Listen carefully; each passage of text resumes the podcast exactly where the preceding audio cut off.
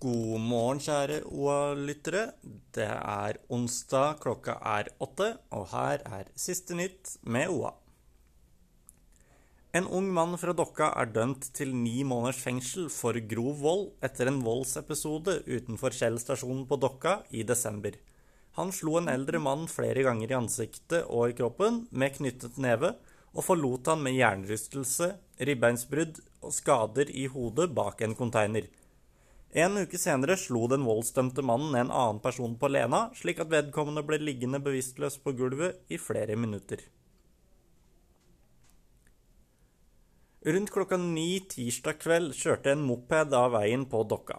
Føreren var en gutt på 16 år. Gutten ble kjørt til Gjøvik sykehus med lettere skader.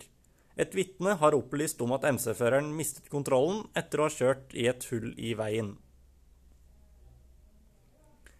På oa.no